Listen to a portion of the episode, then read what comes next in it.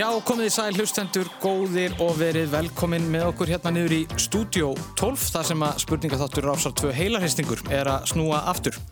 Og fram að páskum verður hér í loftinu á sunnudögum tónlistarhristingur. Það er að segja, alla spurningarnar munu tengast tónlist og við hefum fengið átta frábærlið til að mætast í svona hefbundinni útsláttarkeppni og verðum svo að krýna sigurvegara í úslita þætti hér á páskadag. Og með okkur í þessum tónlistarhristingi uh, verður Lóvísa Rudd Kristjánsdóttir sem að hlustendur þekka auðvitað úr poplandinu. Lóvísa? Já, mikil ósköp. Ég bara, mér fannst þetta svo skemmtilegt tilbúð og er mjög þakklátt fyrir, fyrir það að fá að vera með og ég er bara mjög spennt fyrir, fyrir hérna komandi keppnum. Já, þetta verður held ég bara einstaklega skemmtilegt og, og svo þetta bara með mér eins og verið hefur uh, Helgi Hrafn Guðmundsson uh, spurningahautur og stígafurur uh, hvernig leggst þetta í því? Nú erum við bara í tónlistinni. Já, og hérna mjög gaman að vera orðið svona þríegi Mm. Það er orðið náttúrulega mjög móðins og hérna, það er bara spurning hver er hver í þessu, þessu þrýki? Ég ætla að vera víðir, það er alveg málkunljóst. Já, ég tek almu. Já, er það ekki? Ok, þá e, það er bara fínt að vera þórórur. Já, það er líka fínt því að við hugum auðvitað að sótörnum hérna neyru í Studio 12, þannig að helgi það er þín deilt. Heldur betur, ég er hérna með ímislegt á minni könnu, til það með stíin. Já sótvarnir og svo hérna smá svona hljóð í kringum svörin þar að segja hvort það er rétt eða ránt og, mm. og hérna við höfum tekið hér fram sérstaka vél til þess eh, sem við fundum hérna í eftirleitinu og ég ætla bara að prófa hana rétt svarið þess að svona Mm -hmm. þetta, úf, þetta er svona, við erum komin á næsta level, Já, maður finnur það sko. Þetta er góð viðbót sko. Býndu bara rángasvariði svona Já, þetta er vera. Já. En þetta er samt líka mjög gott, sko. Forðumst þetta. Já. En eins og við nefndum, þá munum öll liðin sem að keppa hérna í þessum tónlistarhýttingi svona hafa einhverja tengingar að sjálfsögðu við tónlist. Við erum að tala um tónlistarfólk eða tónlistaráhuga fólk eða fólk sem að tengist einhvern veginn tónlist með einu með öðrum hætti mm -hmm. og við kannski kynnum hérna liðin því að á mína vinstri hönd hér niður í Studio 12, þetta er nú alþekkt lið úr tónlistar spurningakeppnum, þetta er lið uh, Geirfuglana Eh, það er Freyr Ejursson og Dóri Gilva, velkonir. Já, takk fyrir. Takk. Hvernig líst ykkur á þetta? Okkur líst mjög vel á þetta. Við náttúrulega tókum þátt í svona keppni fyrir mörgum árum síðan, mm. poppundi.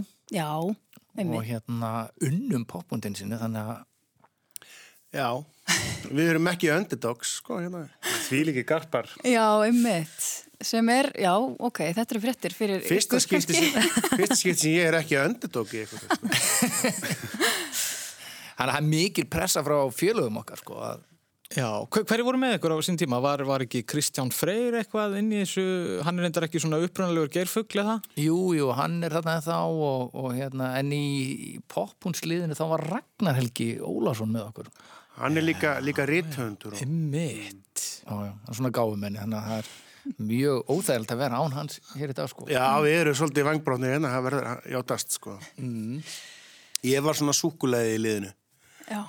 Pretty face bara held ég. Okay. já. Það, hérna, þetta er mjög spennandi og þetta freyr þú ert líka að vinna hérna, í tónlistatengtur í þáttagerð, ekki satt? Jú, heyrðu, gaman að sé frá því það er að fara af stað núna þættir í sjónvarpinu og lóðarsköldum um tónlist og það er tekinn fyrir eh, einn áratugur og svona hann, hann skoðaður og, og skilgrendur og, og þessi þettir heita Ströymar, verða svona fimm þættir mm -hmm.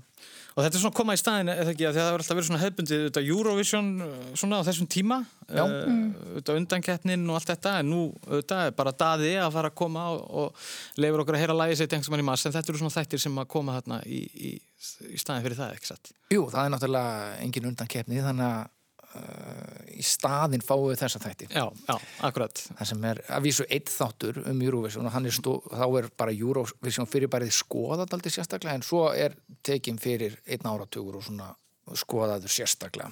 Já, þetta er mm. mjög spennandi. Já, nú mér á hæri hönd er hins vegar svona lið sko plötusnúða. Okkur fannst þú sniðið þetta að, að því að plötusnúðar eru oft miklu grúskarar í tónlist sko og það er annars vegar Þurastína og, og svo Sunna Ben, velkomnar Takk fyrir, Takk fyrir. E, Þið eruðu náttúrulega, já, báðar fyrirverandi reykjaugudætur eða voru plötusnúðar fyrir reykjaugudætur, ekki satt á einhverjum tímbúndi? Jú, við erum báðar verið plötusnúðar en þurra er enda á í hljómsdini núna sem rappeta. Já, það er svoleiðis, já, já, já, ok. Ég bara rak mig úr starfi plötusnús. Já, svoleiðis. Þar stóð oftast enginn. ok, og, en svo varstu líka í Cyber Já. Uh, sveitinni, en, en rakst sjálfaði úr henni líka? Já, í rauninni, þegar ég hef egnaðist barn núna í fyrra. Já. Komst ekki með á Reysa Evropatúr sem reyndar varð svo minna úr, mm -hmm. sögum hérna, alls. Jú, jú. Þannig já, Cyber er alveg eftir tvær, Salka og Jóhanna. En, en þið eru svona, samt sjálfstæðir plötstunduðar bara sjálfar og, og þetta er náttúrulega ekki kannski búið að vera sérlega góðu tími eða hvað? Nei, frekar rólegt ár en svona fýtt tími með til að grúska. Já. Já, ég er... held að þetta er því mjög erfitt að koma tilbaka eftir úr fæðingarólafi sko og það bara hefur heldur betur sannan sig. Engin gekk. En er þið ekkert búin að vera að streyma, vera með plötu streymi, snúða streymi eitthvað þess að það?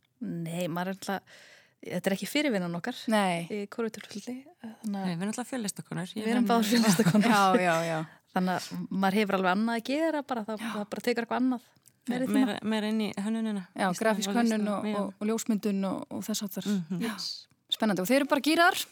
Ójú, Já, við hefum reyndar aldrei, ég, hef aldrei allavega tekið þátt í spurningkefni, þannig að við erum klarlega underdog. Ég hef tekið þátt í hérna, nei hættu nú alveg með villa, en hérna, ég verði alltaf svo stressuð þegar ég tala í útörpi að ég man ekkert hvað ég sagði eða hvað gerist í þessum þætti. Já, ferði í svona blackout? Ég ferði í blackout. Já, þú mannst ekki hvað þið fór? Nei, nei, nei. nei. Mér finnst ég, ég gerði þetta líka fyrst þegar ég byrja svona allt í einlega klukkutíma og bara hvað gerist? Ég bara, maður veit ekki neitt. Já, ég er dottin út um þegar, sko. en, uh, já, þetta, ég held að þetta verði hörku keppni. Við þetta höfum verið hér alltaf í upphafi í heilaristingi með svo kallega laga þrennur. Og, hérna, en málega það, við erum með það mikla tónlist fyrir bæði liðin og hlustandur í dag að við ákvæmum að, að hérna, býða bara hreinlega með þær. Við erum ekki með laga þrennur svona í upphafi. Nei. Heldur ákvæmum við bara að byrja á svona bara hefbundnu, já, hefbundum víksl spurningum og það er bara annað liði sem byrjar og svo fær hitt liði spurningu í sama þema. Það eru tvö stíði bóði og eins og ég segi, ef að rétt svar kemur ekki þá getur anstæðingurinn stólið einu uh, stíði og við ákveðum bara að hafa vikl spurningu í einhverju ákveðnu þema sem við völdum og já, Lóisa, þemað að þessu sinni. Sko þemað er current, svo ég sletti, en það er kúreikar. Yes! En nú hefur countrysennan svolítið svona snúið aftur eða svona fengið byrjundu báða vengi síðustu miseri og, og þar á leiðir fannst okkur þetta svolítið snutt. Akkurat. Já, það er þá eiginlega bara þannig að við ætlum að byrja á sagt, Dóra og Frey eða Gerfuglónum. Þið fáið fyrri spurninguna í þessu þema og uh, Dóra og Frey spurningir er svona. Ungi kúreikinn uh, Lil Nas X kom sá og sigraði country senuna þegar hann sendi frá sér lægið Old Town Road í desember árið 2018. Heyrum brott.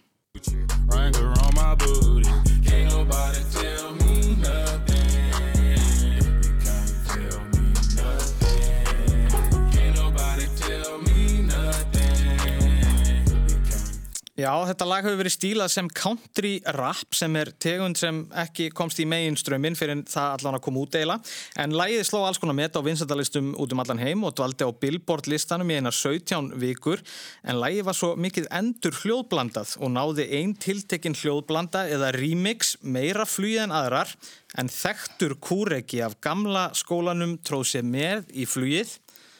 Hver var hann? Hver var þessi gamli þekkti kúregi sem að smiklaði sér leið við erum sko ekki sterkir á svellinu í tónlist eftir 2000 Nei, eiginlega bara ekki eftir 1990 sko. Eftir 1990 Herðu, hver, hver er þekktur kúregi sem er að syngja? Hérna Willi Nelson eða hérna hvað heitir hann, Kenny Rogers eða? Ég, ég, bara, ég þekki bara það sko. Við verðum bara að slá á eitthvað góðan kúrega sko. Uh. Uh, sko Dwight Yoakam, það er eitthvað svona töffari. Já, Chris Kristoffersson eða eitthvað flið. Segðu bara eitthvað það sem við hefum ekki hugmynd um þetta. Hefur ekki bara að segja Chris? Jú. Við segjum Chris.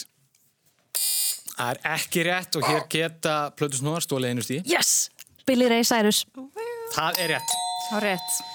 Já. og... og þá er bara önnur spurning í þessum ágættaflokki. Kúrekar og við beinum þá spjótum okkar að Plötus Nóðum. Söngkonan Bríett sendi nýverið frá sér sína fyrstu breyðskifu, Hveðija Bríett og fekk hún góðar viðtökur og eitti löngum tíma á íslenska top 50 lagalistanum á streymisveitinu Spotify. Nú lægið Rólegur Kúregi hefur á nefa fengið mestastreymið en streymin telja nú yfir 1,2 miljónir síðan það kom út.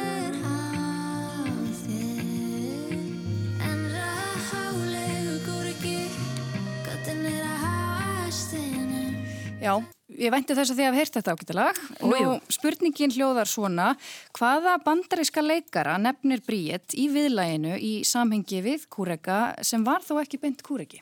Má ég svara? Já. James Dean. Og það var rétt, það er hár rétt. Hún segir, uh, þú ert ekki James Dean því miður. En þetta hefur vafist fyrir fólki svolítið sko. Þannig að það er gaman því. Já, Uh, þetta var fyrsta umfyrin, ég segi bara gerfuglar, fallir farar heill og, það byrjar ekki vel hjá og hérna förum við í sagt, annan liðin og það er líka nýr liður.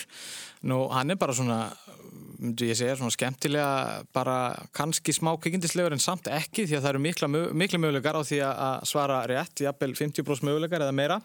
Þetta er svona 50-50 og þetta er bara því að fá eina spurningu og það eru bara tveir möguleikar í bóði og Helgi? Já, hérna kannski fyrst að farið stígin því að blötusnor eru með þrjú stíg en gerfuglar ekkert stíg og hérna, já, við ætlum svona að spyrja svona 50-50 kannski smá keppni í hefni en við spyrjum gerfuglarna hvor hefur fleiri hlustendur að meðaltala mánuði samkvæmti nýjustu tölum Spotify Marja Carey eða Madonna? Já Marja Carey eða pop drottningin Já. Maður hefði nú haldið að Madonna myndi nú taka þetta en, en kannski er spurningahöfundur að leika hérna á okkur. Já, ég ætla að leifa þér að giska á þetta eins og áðan, það gekk svo frábælega Ég hef ekki blessa að giska á hann Ef ekki að veðja bara það var, veist, Madonna. Fá þá hinn hin í svarmöguleikan ef við getum ekki. Nei, það er þetta ekki, ekki þannig í þessum lið en það væri, það væri fullsvínslegt sko. En ég get alveg gefið ykkur það það munar alls ekki miklu á þessum pop-dífum sko. Nei, nefnd, þetta er nýfjönd Nei, sko, ég held frekar að segja þessi yngri sko. Marja Carey Er hún ekki yngri? Ég veit ekki alveg hvert það er eins Jú, yeah. jú, ég veist alveg hver hann er sko Nei, svara þú þessu Ég, ég bara... segi bara Madonna Ok Já! Yes! Klestan maður! Það er Madonna, Madonna Ég hef gíska á hitt sko Já, já Madonna er með 14,7 miljónir hlustenda meðaldal á mánuði eitthvað nýjus tölum. Uh, Marja Grey 14,3 Það munar ekki miklu Þetta er drottningin sko. Hún vinnur pottið decibelmáli Já, Já einmitt. Þá kemur jólaplatar sterkir sko. allir á All I Want For Christmas Já, þá, þá fer hann alltaf eftir á billboardlistan sko, toppin sem er ótrúlegt. Það sem ég var að hugsa sko, þetta jólaplatan Já, einmitt, það er eitthvað að leika á okkur. En blödu þess er, er kannski ekki síður snúin Uh, því árið 1995 gaf Oasis útlæðið Wonderwall og keppinundar þeirra í Blur útlæðið Country House. Uh, en hvort lægið náði herra sæti á breska vinsaldalistanum þetta ár? Ég, ég held Blur. Já, ég flytti til Breitlandstanda 97 og þá var Oasis að mér fannst miklu stærra þó að Blur hefur verið stærra á mínu heimili. Sko, í dag er líka Wonderwall myndi ég að segja starra lag Country House en ég held Já. þarna hafi þetta er bara my first instinct. Ég Já, er ekki með stað, staðfestar þetta er líka svona eitthvað svo þannig að maður hefur átt pínu tilfinninguna að sé verið að reyna að leika mm -hmm. Já, okkur langar að segja Wonderwall því að maður heyrir alltaf þegar maður lappa fram í dönsku kráni. Undan tekníkalust undan tekníkalust en það er kannski ekkert var kannski ekki orðið svona immortalized svona snemma. Þú ræður, mér langar að segja blur. Þannig að svarið ykkar er Blur. Já, Já. Heyrum bara hvaða laða var. Yes. Nei. Nei. Ertu blur búin? Já, herri Mikil ósköp. Fiknaði svakalega í gerfuglunum og kom á daginn að freyja svona í blör ból. Það er kannski bara... Er grunað. Já, það er ágætt að, að þið fenguðu ekki þessa spurningu. Þið, það hefur verið verra flaska á þessu sko í Já, bólnum. Já, ég vissi Já. þetta sko. Þeir blörinu smá skífustrið en svo töpuð þeir mm, hérna sko. LP blötu. Breiðskifu slagnum. Og slagnum um dönskukrána. Já, það er ákveðin skellur. En sko aftur það munaði ekki miklu því að jú, Country House komst á toppin á breska vinstalistanum, Wonderwall náði öðru sæti. Mm, já, þetta var mjótt á munum. En uh, þá ætlum við að Stín hafa svo mikið breyst mikið? Nei, Plötusnöða með 5 og Gerfuglar með 2. Já, og við höldum bara áfram og við ætlum að fara í fyrri valflokka umferna. Þeir eru með blöð fyrir framann á okkur sem stendur 1, 2 og 3 og við ætlum að byggja ykkur um að snúa í blæðinu sem stendur á 1 og uh, þar sjáu þið fyrri valflokka umferina að þessu sinni. Uh, já, þannig að liðin fá að velja sér úr sikkorum flokknum og það eru sagt, geirfuglarnir sem að ríða á vaðið og, og svo í setni valflokka umferina þá snýsta við og þá fá plötusnúðar að byrja. En uh, fyrri valflokkanir eru eftirfærandi. Bíómyndir um bönd. Hittarar á árinu 1990, lög sem komust tvísvar á vinsaldalista og suðrænt og seiðandi. Hvað segið þið með þetta? Hvað segir þú Freyr? Náttúrulega þegar það er leiklist og, og tónlist þá kemur þú sterkur inn. Já, og þú ert líka svo Já, já bíómyndur og bönd. Já, og svo ert þú náttúrulega þetta, þetta ártal náttúrulega er mjög gott fyrir okkur. 1990, þegar maður var tvítur þá vissum maður allt hvað var að gerast. En ef ekki bara, já, þú mátt velja. Bíómyndur og bönd. Bíómyndur og bönd. Já, Gott og vel, við hefjum þá bara leika og uh, spurningin hljóðar svo. Ímsar uh, bíómyndir eru til um líf og störf rockljómsveita, kannski ekki skrítið því lífverðni rockstjarnar er ævintýralegt og, og gaman er að skiknast á bakvið tjöldin í orsins fylstu merkingu. Nú sumarmyndir fjalla auðvitað um sögu alvöru hljómsveita en aðrar um uppskáldaðar sveitir og við heyrum hér lag.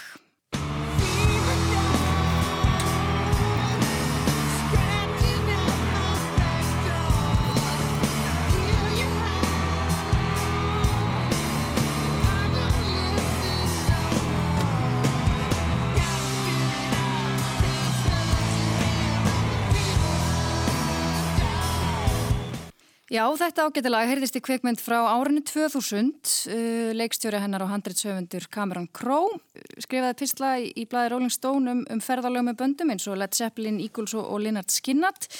Uh, kveikmyndin fjallar um hérna ímynduðu hljómsveit Still Water sem við heyrðum hér lag með, en hvað hétt kveikmyndin? Almost Famous. Og það er rétt, hár rétt. Já, já, þetta var að sjálfsögðu Almost Famous, kannski frægasta mómentið í þeirri mynd var það ekki þegar hérna, Tiny Dancer er Jú, í rútunni. Í rútunni? Það er mjög stórt. Það er svona gæsa hóða moment Maður ma svona, þetta lag fekk einhvern veginn nýja merkingu fyrir hann sko. Skemmtileg mynd. Mjög skemmtileg Já, mjög skemmtileg. Og Stillwater, flott sveit, svona þannig. Já, þetta var, þetta var held ég byggt á Lennart Skinnart, svona já, mestmægnis þó að þetta hafi tekið innblástur frá öðrum böndum líka. Seppelin í þessu líka og svona ímyndslegt Gaman að þessu, herriði, uh, plötu snúðar því fáið sambarlega spurningu. Árið 2001 rattaði í kveikmynda hús Svipið bíómynd að því leitið að hún fjallar um hljómsveit sem er ekki til í alvöru og heyrum hana lag.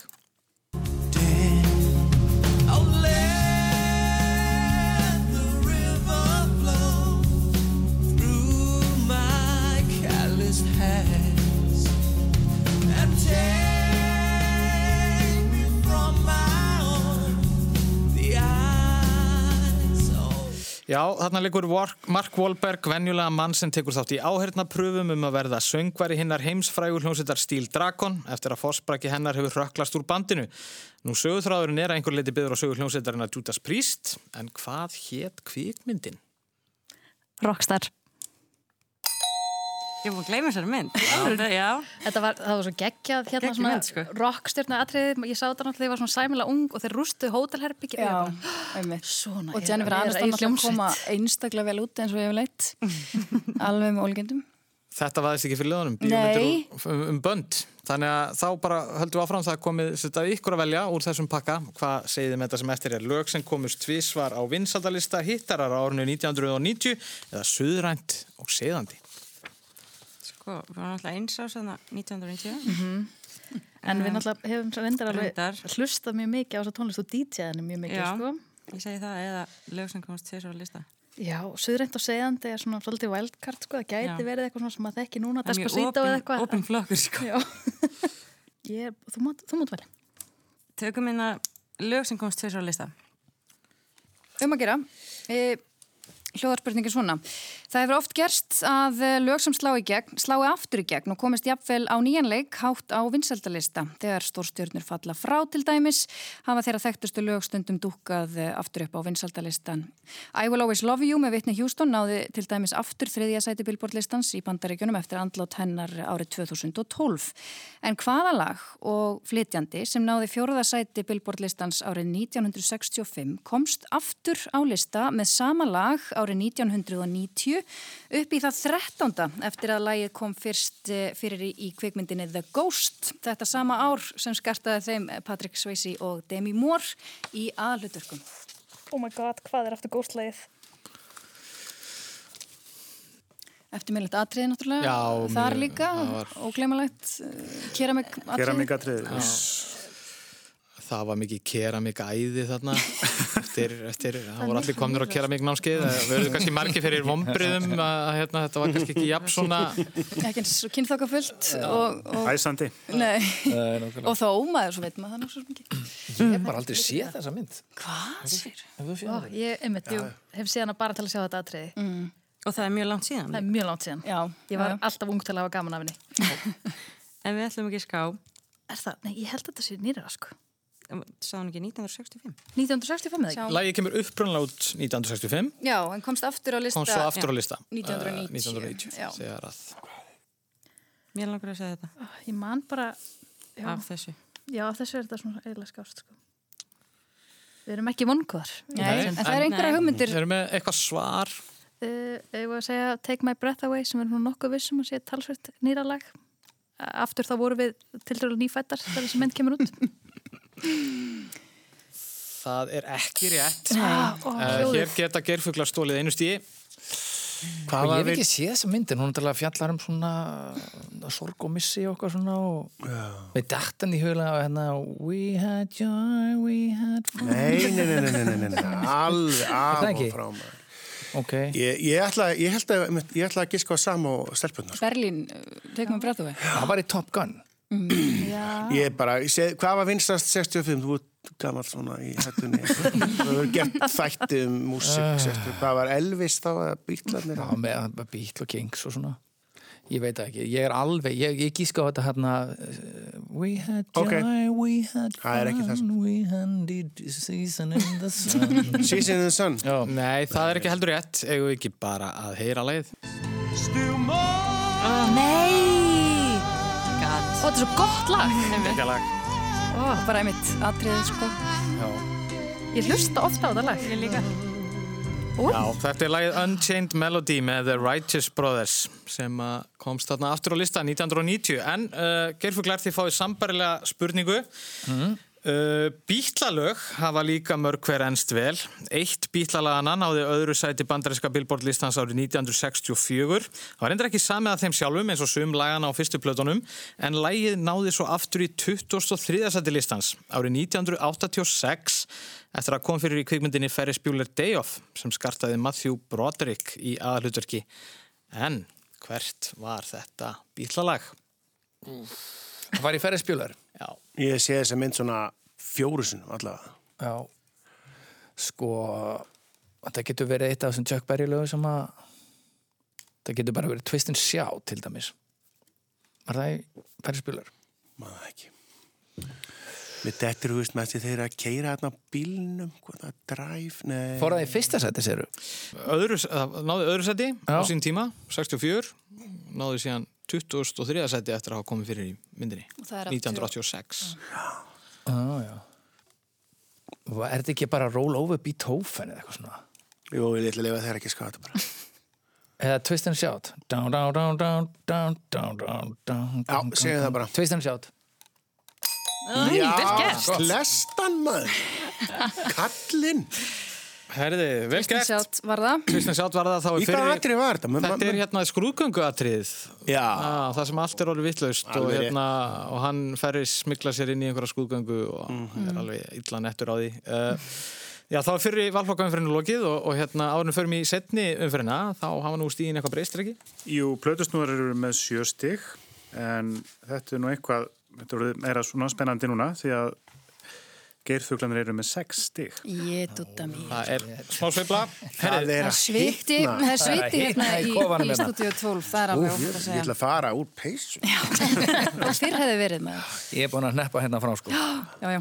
Þá förum við setni valflokkaumferðina og þá nú er það plötusnúðar sem fá að byrja. Við svona snúa í blæðinu sem stendur á tveir og fá að sjá hvaða flokkar eru hérna í bóði. Það eru sem sé lög um sögulega atbyrði, stórtónleikar á Íslandi, Íslenskt reif í og leikarar syngja. Vá, þetta er hvort það eru betra. Já. Hérna, Íslands reif í.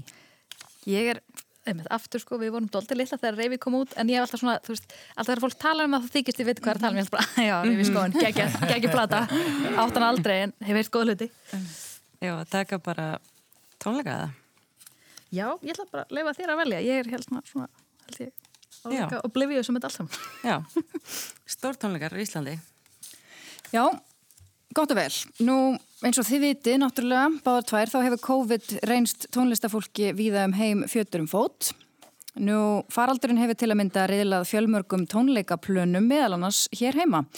Sena hafði bóða til tónleika í mæ í fyrra sem áttu að verða stærstu sitjandi tónleikar Íslandsögunar í kórnum í Kópavogi. En í bóði áttu að vera 8000 sæti. Tónleikunum hefur verið frestað þar til í apríl og nú er spurningin hvort svo tímasetning geti staðist. En hver er það sem áttu að koma fram á þessum tónleikum? Er þetta Pavarotti? Ef þú heldur það, ég til, já. Einhver staðar, einhver tíman sá ég auðvist Pavarotti.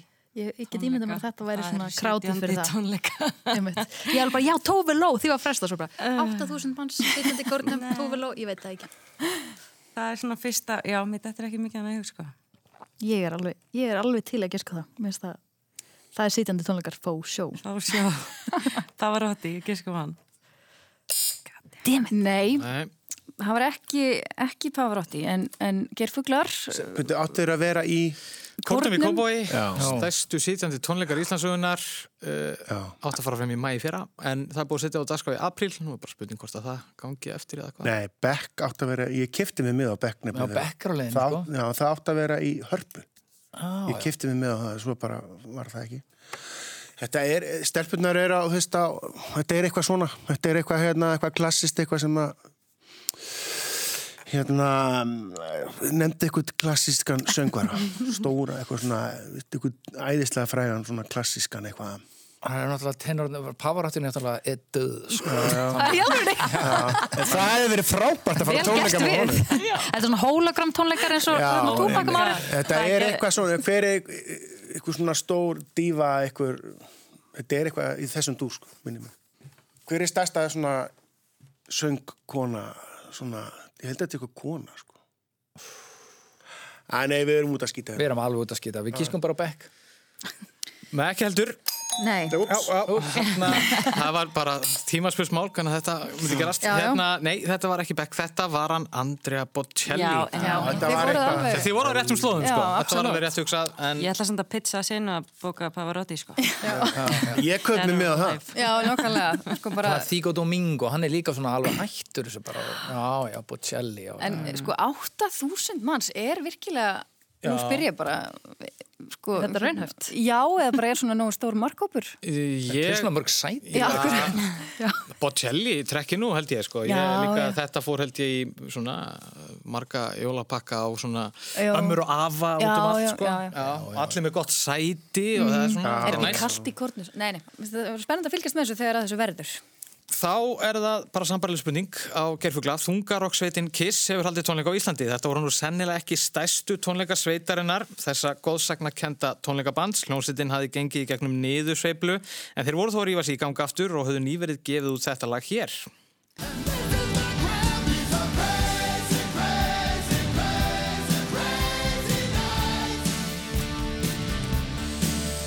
Já, þeir voru ekki með grímurnar á tónleikunum en þarna voru um 3000 manns.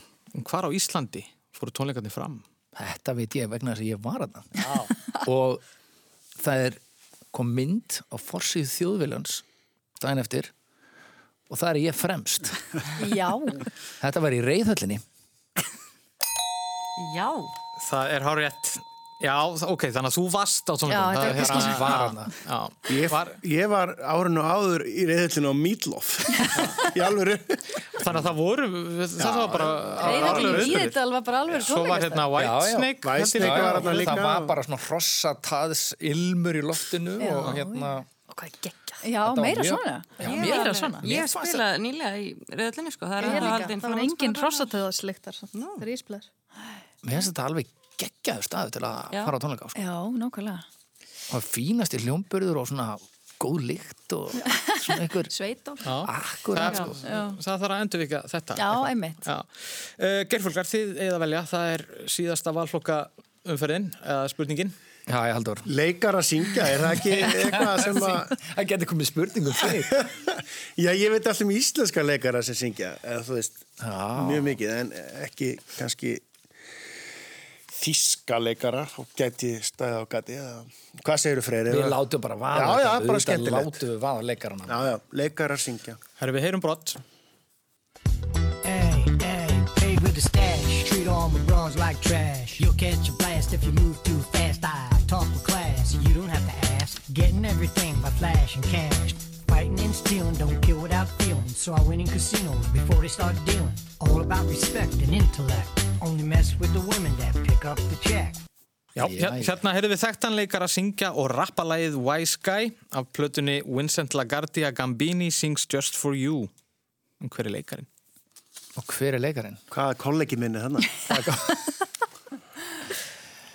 Sko, Ég kannast rosalega þessi rödd og ég hef heyrt þetta sko. Ég seti ykkur í bíomund. svona leikari sem kann að rappa Will Smith kann að rappa smá Já, Vilsmið, þetta er ekki hann sko.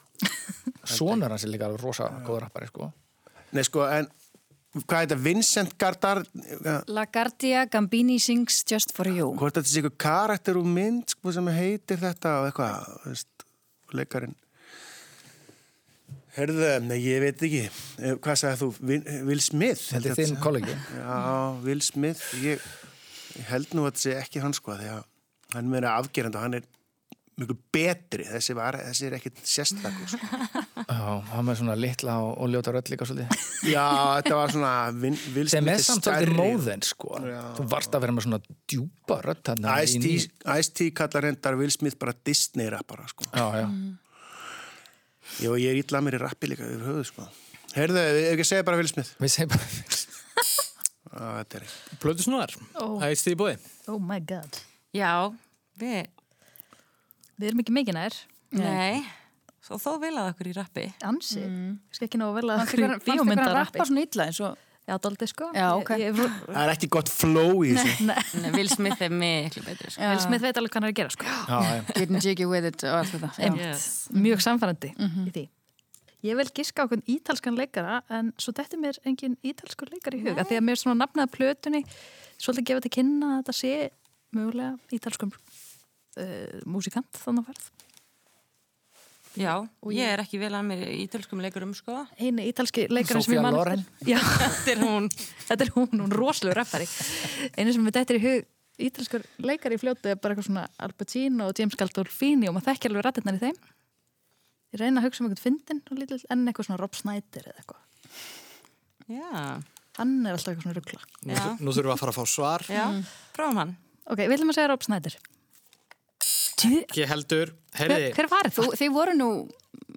Já, þið, ítalsku leikari klálega, það, var, við vorum þar þetta var nafni minnan Joe Pesci uh, Ó, nei. Ja, Pesci. ja, Pesci eða Pesci eða hvernig sem að, já, og hérna Hann hann er nú bandarískur samt. Já, en- Af en- Ítalskum uppruna. ítalsku Já. uppruna Já, já. En, nei, en hann hefur ekki út tölplötur og meðalans þetta Þetta er svo sagt uh, karakterinn uh, úr myndinni My Cousin Vinny sem Mm. einhvern munna kannski eftir. Æ, svo, Og þetta er svona plata sem er byggð svona í kringum þann karakter. Segja okkur það. Já, koma með þetta fyrr maður. Já. Ég var feina að vera ekki sagt að ég var að fatta að ég hef ekki séð þessa mynd. Nei, en þú var samt einhvern veginn svona, já. Þú varst á Já, ítölskum nótunum, sko. Gamli Þetta er upp á myndin hans Rúti Giuliani Nú, er það? Það er svo gott að vita næst að hann kemur í heimsók. Já, en, Pessi er lögfræðingur í myndinni, sko. Svona, já. Já, já, já, já, já, já einmitt en stelpunnar, uh, plötust nú að deildin fær sv- svipað spurninga, ekki sant? Jú, Uh, sem hljómar veginn svona. Árið 2008 gaf vinsæl leikona út plötuna Anywhere I Lay My Head og flest lögin á plötunu eru eftir Tom Waits meðal annars þetta lag hér.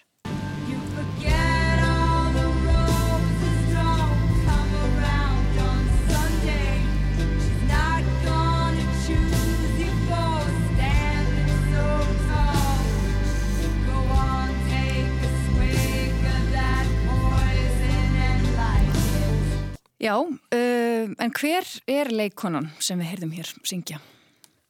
2008? ég kannast ógislega við Mhm, við þessa þessa rödd og við titilin á plötunni. Þetta er eitthvað svona sem ég hlusta á Spotify en hlusta ekki á þessa plötu, neitt sérstaklega. Hvað heitir platan? Anywhere, Anywhere I lay my head. já. Ah, hún er svona dekkar. Dekkarð. Síðana. Hvað heitir? Kondu til mín. Það er miðelsfundur í gangi hérna á plötsnaðborðinu. Hvað heitir hún? Eitthvað jóð. Jóð. Jan, Janice, nei, hérna. Ég man ekki hún heitir. Hald áfram, þú ert að tengist einhverju hérna, einhver annar vitt. Dökkarleikan, þú ert ekki að hugsa um Zoe Deschanel. Þetta er ekki hún. Nei. Hún er ekki svona dark. En hún er líka sönguna. Hver er að syngja og leika? Og þetta verðist ekki að vera tengnindin í bíómynd. Ég man ekki hvað hún heitir sem ég er að hugsa um. Mér langaði ekki sko Lady Gaga hún, en hérna, þetta, mér heyrðist þetta nú ekki vera hún. Nei, ok. Hún er náttúrulega... Uh, Nei, ætlið að, ætlið að koma með eitthvað eða? Heyris þetta ekki vera að koma sko? Nei, þetta er... er engin, var- við erum alltaf búin að reyna að tala við andana og allt. Já, nákvæmlega, fagna því, sko. um, Hvað segja gerfuglar? Það er eitt stíð í bóði Já, mér rámar í þessa plötu. Var þetta ekki, Dóri, var þetta ekki hún Scarlett Jóhannsdóttir? Sko, mér dætti hug hérna leikonan sem leiki hérna Natural Born Killer með honum hérna, Já, hérna. með honum hérna Woody Harrelson, hvað heitir hún? Judy... Nei, Fá að við stiga við munum hvað hún heitir. Mér dætti hug að þetta væri hún sko að því að hún er eitthvað að syngja með þess að koma til Íslands Nei, hún er með sína eigin hljómsveit, sko, pöngljómsveit. Já, Juliette ok Lewis. Er Juliette Ég Lewis, er að hugsa um hana. Já. Nei, þetta er, ég Scarlett. ok Og það er bara Nei, vá. Hey. Scarlett Johansson gaf út þessa plötu Anywhere I Lay My Head árið 2008. Já, þá ætlum við að fara að fara í auðlýsingarnar áður en að við gerum það. Þá byrjaði að fá stíin því að þetta er nú orðið hérna, ansi, ansi áhugavert hjá okkur.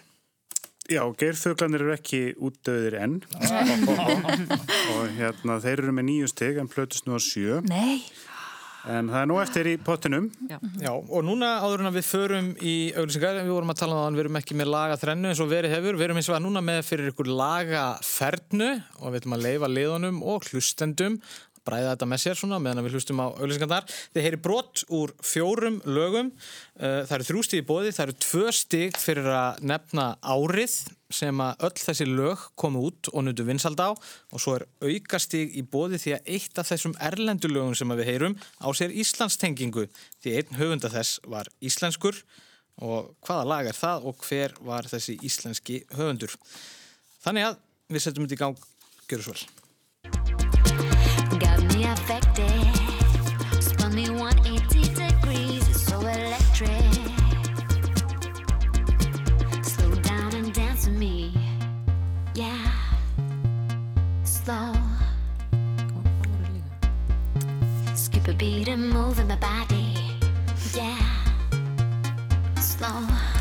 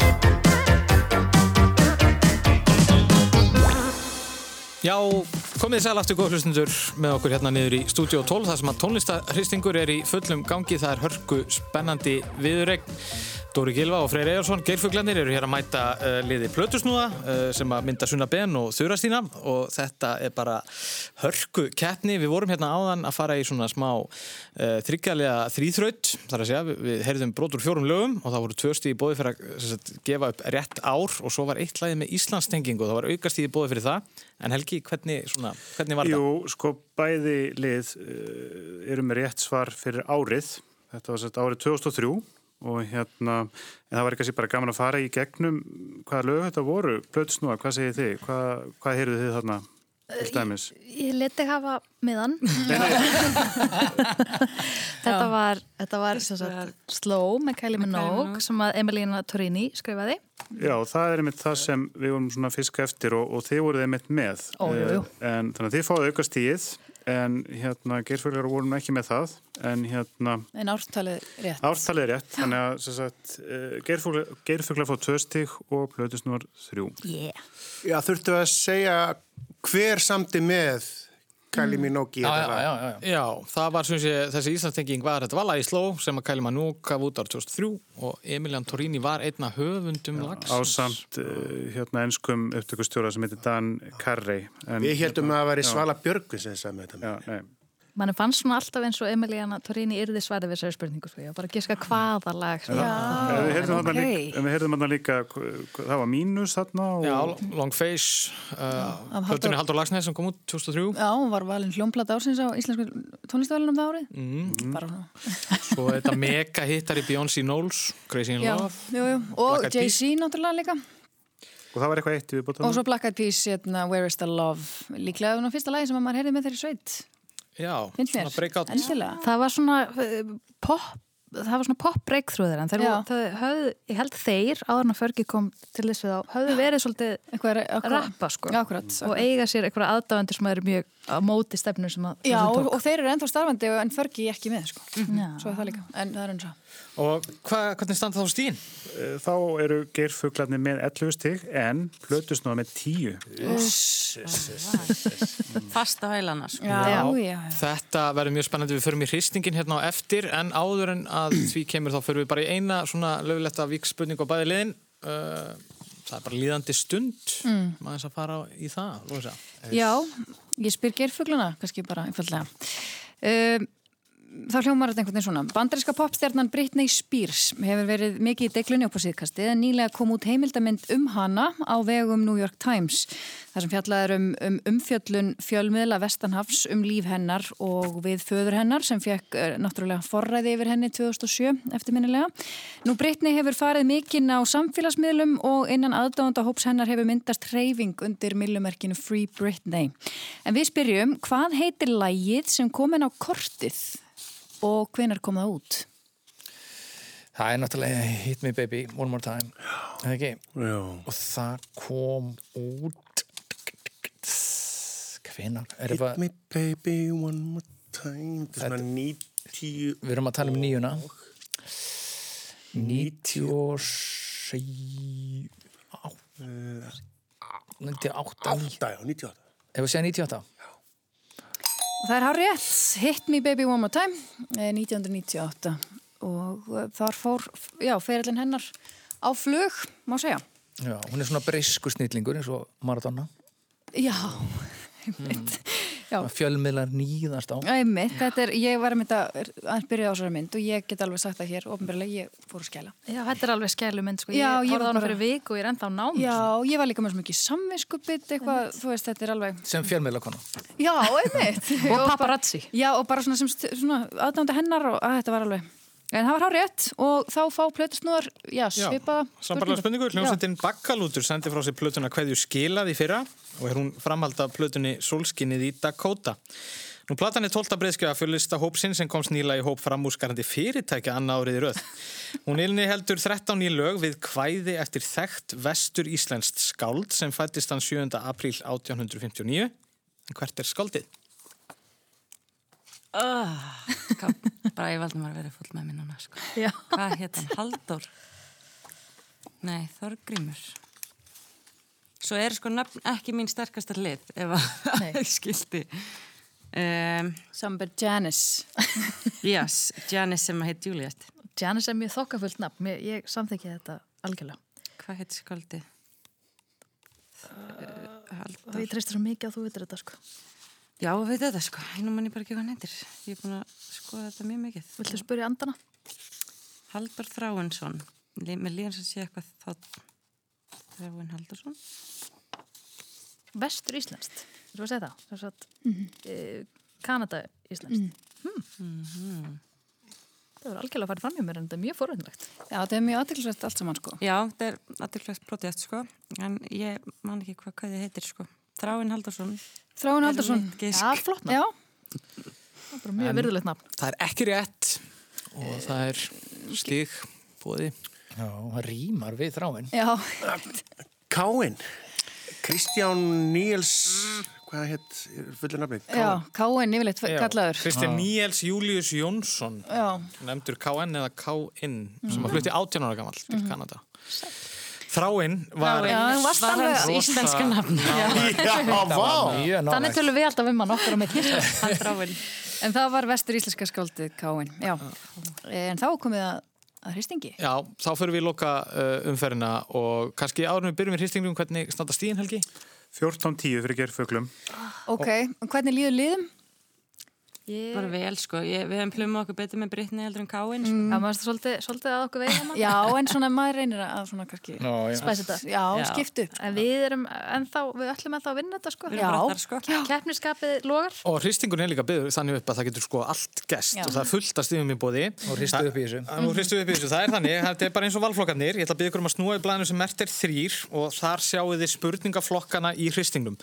Nú hristingur virka þannig að þetta eru fjórir flokkar og í hverjum og einum þeirra eru þrjár spurningar. Einn þykir frekar létt, gefur eitt stig, önnur aðeins þingri, gefur tvö stig og svo þingsta gefur svo þrjú stig. Nú við förum þrjár umferðir og þið veljið einfallega spurningu úr flokkunum fjórum eitt þema fyrir annarkvort eitt, tvö eða þrjú stig. Og þarna gildi bara hvað ykkur líst best á og hversu mikla áhættu þið viljið taka með þyngd spurningarinnar. Nú, anstæðingur getur svo áfram stólið einu stíi ef að liði svarar ekki rétt. Og það getur auðvitað verið svona smá leikjafræði í þessu eftir hvernig staðan er í keppninni. Nú, það er þannig að liðið sem er undir fara að velja fyrst og við skulum heyra bara flokkana í hristingnum. Það eru sem sagt þekkt sömpl, íslenskir einsmellungar, Queen eða popdrottningar fyrsta áratugarins. Erum við þá að tala um, veist, early 2000s? Já, við, Ok. já þannig að uh, þekkt sömpl íslenskir einsmellungar Queen eða popdrottningar fyrsta áratugarins og Og þetta er í stegaröð. þessi þemu er í bóði fyrir 1, 2 eða 3 stig og þannig að Við þið... veljum bara Já, við veljum, erfiðleikann. ég skil. þið Svolítið veljið- svo að leggja undir, sko. Þetta er svona, já, þetta er svona hvað, hvað þið treystið ykkur í og hvað sem mikla áhættu þið vilja taka. Nú er þið náttúrulega undir, þannig að þið gætu þurft að... Við hefum gott að þremstegum, sko. Já, Það er kannski til að áreita fyrir hlustundur að, sömpl þýðir náttúrulega kannski endurhljóðblöndun eða hvernig, hvernig myndum við segja það? Endurgerð, ég fór bara alltaf inn að hugsa þetta fyrir þá sem ekki, Nei, það heitir hérna... Það er það heitir eitthvað nefnilega. Er ekki hljóðbit eitthvað það er gott og vel. En hvað segir þið? Bútur eða eitthvað. Já, okkar svo leys. Við erum, okkur líst ansi vel á popdreifningar tíunda áratugsins. Nei, fyrsta Fyrsta áratugsins. áratugurins, já. Við heldum að við höfum eitthvað, Eitthvað erindi í þangað. það. Já. Einmitt. Okkar sénst til að tala þessum breytning. Já, já, já, já, já. Heyrðu, og hvaða, sko, Já, við ætlum náttúrulega þrjú stig. sko. já, Já, já. Við ætlum að vinna þetta eftir allt saman. en ekki hvað. Go big or go home, sko. Það er svolítið svo leiðis. Uh, þá bara vindum við okkur í þetta og það er popdrottningar fyrsta áratugurins þryggjastega spurning, einfallega. Nú, miklum fjármunum hefur oft verið varið í Pepsi-auðlýsingar í gegnum tíðina en líklega aldrei af miklum eins og árið 2003. Svo fræga auðlýsing gerist í, í ringleggja húsin í Róm þar sem bardaði milli þryggja kvenna á sér stað. Við heyrum hljóðbrott.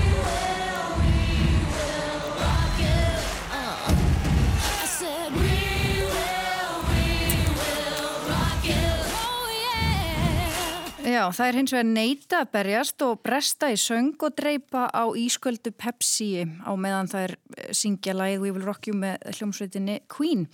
Eh, við spyrjum hvaða þrjár þekktu popdrottningar fyrsta áratugurins leku í þessari frægu auglýsingu. Við munum eftir Pink þarna. Og Brittany var hann líka. Svo aðeins, jú ég held að þetta er rétt hjá þér. hérna.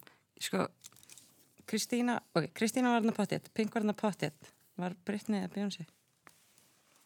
Þetta var Britney fyrst þarna allavega. Ok, þá Og segjum við ætlum að segja, já, það. Britney Spears, Pink og Christina Aguilera. Það er ekki rétt. Nei! Oh my god! Það er ekki rétt og hér fá gerfuglar tækifæri til að spreita sig á, á popdrottninga. En þeir fá bara eitt stig ef þeir ná- Já, Já, þetta var, veist þú eitthvað um þetta? Ég man ekki. Þetta eru þrjár eftir þessu. Beyoncé held ég að verið, held að það er að klikka á því. Já, þá við bara stelum á okkur. Þá séum við Pink, hérna Beyoncé og, Hérna Britney Spears. og Bryndisbyr. það aftur er, er Ó, rétt. nei, það var sem ég vildi Ah, sorry, stelpur. Þetta er nefnilega, Þetta getur verið svolítið brútal. en þetta var algjörlega mögnu auðlýsing sko. Já. Það er að ekki mjög tapsár. Nei, það er ágætt. En auðvitað er Kristina Aguilera einn Já. af þessum popdrottningum fyrsta áratugurins, en hún var hins vegar ekki þessar auðlýsingu. Nú, þá eru það gerfuglar sem að velja fyrir 1, 2, 3 stík. Nú eru þryggjastæða spurningin í popdrottningunum farin, Já. en það er allt annað sem þú eftir. þú vilt eitthvað, þú- hvað varst, ertu, viltu þetta taka þetta? Ef við taka Queen, Ég veit ekkert um Queen, sko. við tökum bara Queen. Ok. Okay. Bara, bara vaði í þristinni, ekki? Uss, Já, mér líkar það. Já, bara að þetta er fara... Já. keppnis sko. Herriði, fyrir hvaða kvikmynd sem útkom árið 1980 og gerist í geimnum samt í Queen tónlistið? Flash. Flass! Ah. Flash, Flash Gordon. Gordon. Heyrum þemað hérna.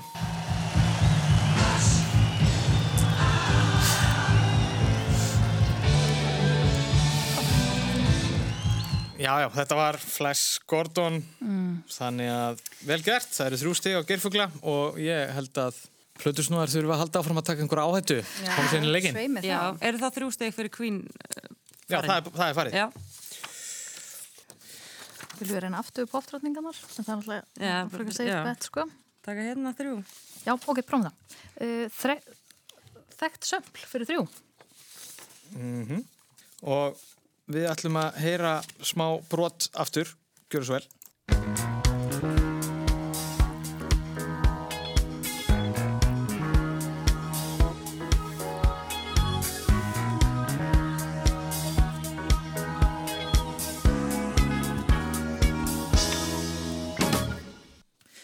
Þarna heyrðum við bandarísku funkdrottninguna Chaka Khan flytja lagið Fate frá árinu 1981. En hvaða franska band samplaði þetta árið 1998 með mjög dansvænum smelli sem reyndist reyndar vera eina lag sveitarinnar? Þetta er Music Feels Better With You. Hljómsveitin, aftur. Uh, þetta er svona Love Star eða Stardust eða eitthvað. Er þetta ekki Stardust? Jú. Já, já, yes! Stardust, vel gert. Ég spila bara Heyrum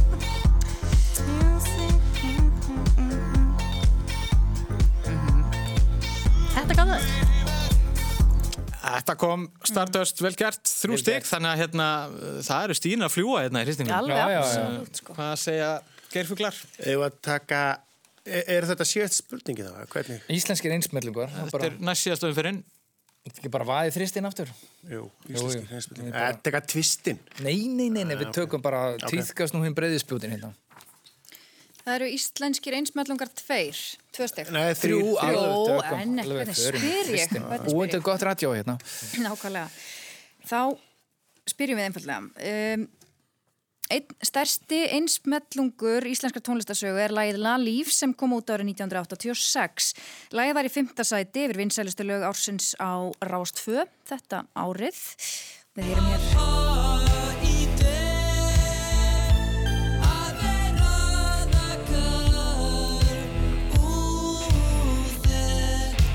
Þetta er magnað, magnað. Nú, eins og heyra má var texti lagsins fluttur aftur á bak og lagið var samið af Kjartan Ólafsinni og ymsar kenningar hafa verið á kreiki um hvað textin í laginu merkir en við spyrjum hvað nefnist uh, hljómsveitin sem gaf út, gaf út lagið? Já. Lægi heitla líf og uh, þetta var Kjartan Ólarsson. Ég vissi það, að þetta var kjartan hún. Ég man, ekki- ég man vel eftir þessu leið. Ég man ekki. Gert hvað hljómsveitin þetta kallaði þessu. Sóni, þetta var... Þetta er ekki það þetta er ekki svona fútar, sko. Nei, ég veit, það var eitthvað svona latínu, eitthvað svona, eitthvað dót, sko, pæling, sko. Eitthvað gáumanna svona, eitthvað, MR. Já, eitthvað svona, einmitt, einmitt, eitthvað. MR. Já. Nei, ég man ekkert hvað þetta, ég bara pass. Ég veit eitthvað... Gískaði eitthvað. Hún hétt bara Fjútúra. Nei, fjútura var það ekki.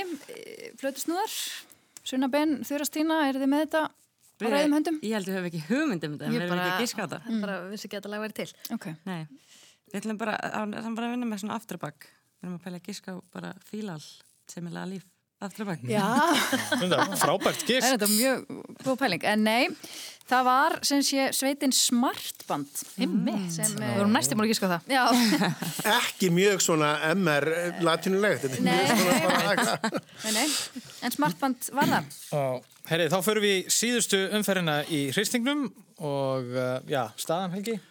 Uh, Geirfuglar hafa átján stig en Plutusnúar 13.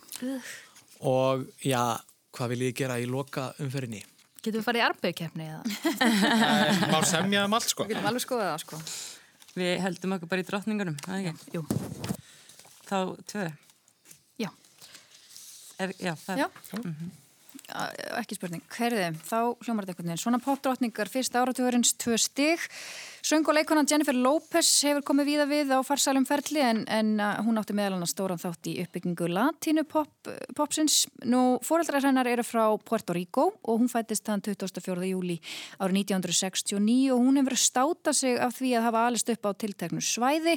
Hún hvaðist aldrei gleima uppruna sínum þrátt fyrir fræðina og minnist á það í textum sínum en við spyrjum hvar ólst J-Lo upp. The Bronx. Það er rétt, það er Bronx hverfið í New York borg. Við hefum Níu stundum fjórðu- spilað þetta lag saman. Þetta er náttúrulega algjörnegla. Þetta er bara freyr, hérna, bara nágranninn fyrir. Já, ég átti eitthvað heima í New York og hérna, og Dóri kom með svona heimsækja mig og, og hérna, og ég var mjög spenntur að sína á New York, svo síndi hún bara, þú veist, fór nýri Manhattan og allt það og svo er ég svona að spyrna kvöldi, veist, er þetta ekki alveg frábært? Það er bara, nei, nei, bara, skemmturast að vera bara hérna heima eitthvað og grilla. Í alvöru, þetta er, nú, já, þetta er bara blokkir, þetta er ekki nema blokk. Blokkir, útlendingar og rosalega skítuða neðaranlestir. Þú þú og maðurinn minn ætti margt segja meðlega. Ég er alveg að tengja grimt, ég er alveg bara, ég verði til að fara bara einhvers stupi í kvalfjörðu hérna, En mér fannst miklu skemmtilega hins ekki þau bjóðst í litla bænum í Frankland. Já, já, það fannst mér sko. Þér fannst þetta bara að vera blokkir. Hver er það gaman að skoða blokkir? Blokkir, vestlanir, túristar. Þetta er ekkert gaman. Neðaranlestir. hvers? Nákvæmlega. Nákvæmlega. Nei, ég náði ekki, jú, jú, þetta var nú gaman. Ég sá nú frelsistittun og eitthvað. Já, já, já. En þetta var rétt hjá Blötusnúðum, hún um, Jennifer Lopez ólst upp í Bronx hverfinu í New York borg. En þá komið að síðustu spurningu þáttanins og það eru geirfuglar sem að með að velja eitthvað og Það það er ekki að prófa slakir með þetta. Það er ekki að prófa hérna lögum sögulega atbyrði. Jú, jú. Og bara fa- fara í þristinn. Þetta er það á þessu, er það ekki... Nei, það var öðru blaði. Já, já, ég er ruggla hérna, ok. Tök, mér, mér, sme- einsmellungar, mér Já, finnst það eitthvað, það. hérna, bara tvistin og það. Reynum aftur við það.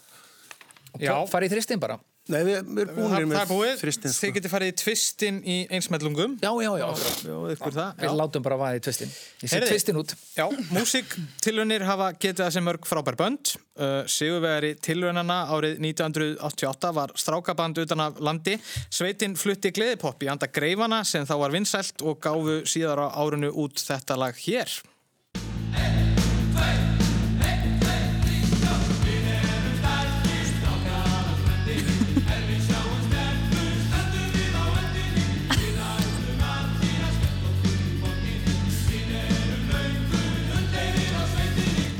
Já, þetta var lagi Stælti strákar og þeir komu á ströndinni en þar var veitna til Skagastrandar þar sem að meðlemi sveitarina voru búsettir. Nú bandið kom fram í á tali með Hemma Gunn en eftir vinsaldir þessa lags að fór nú aðeins minna fyrir þeim.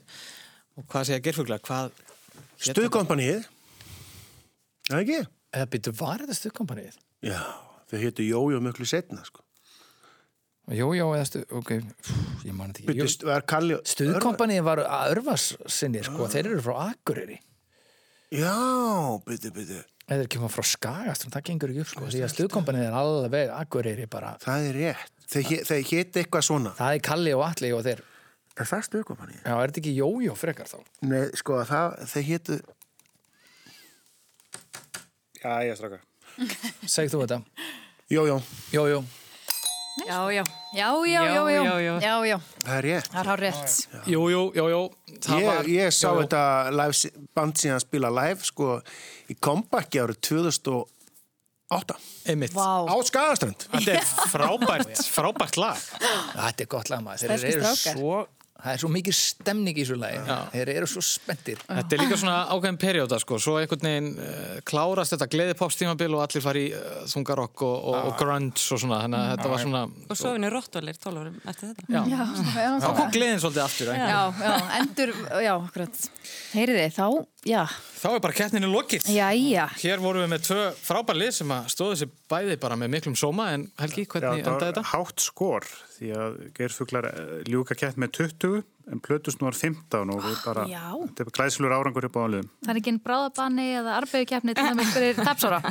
Þessum að sjá hvað, hvað er þetta semjum hérna eftir, eftir við förum á slást loftinu. hérna fyrir utan. Já, Þú nákvæmlega. getur fara, fara í skratskeppni Er það ennþá í, í plötusnú að skratsa? Það er erfitt að gera með tölvinum að bara ok, hann og það koma eitthvað svona. En uh, Þetta var æsið spennandi og Þetta var- svona margt sem kom á óvart hér. já, þetta var bara virkilega skemmtilegt gerfugla. Við fáum þá að heyri ykkur aftur þegar að, hérna, þar að kemur en uh, bara uh, takk fyrir í dag og, og við að svo sér heilumst aftur uh, næsta sundag með meiri tónlistar hristing. Takk fyrir okkur. All right. Ok.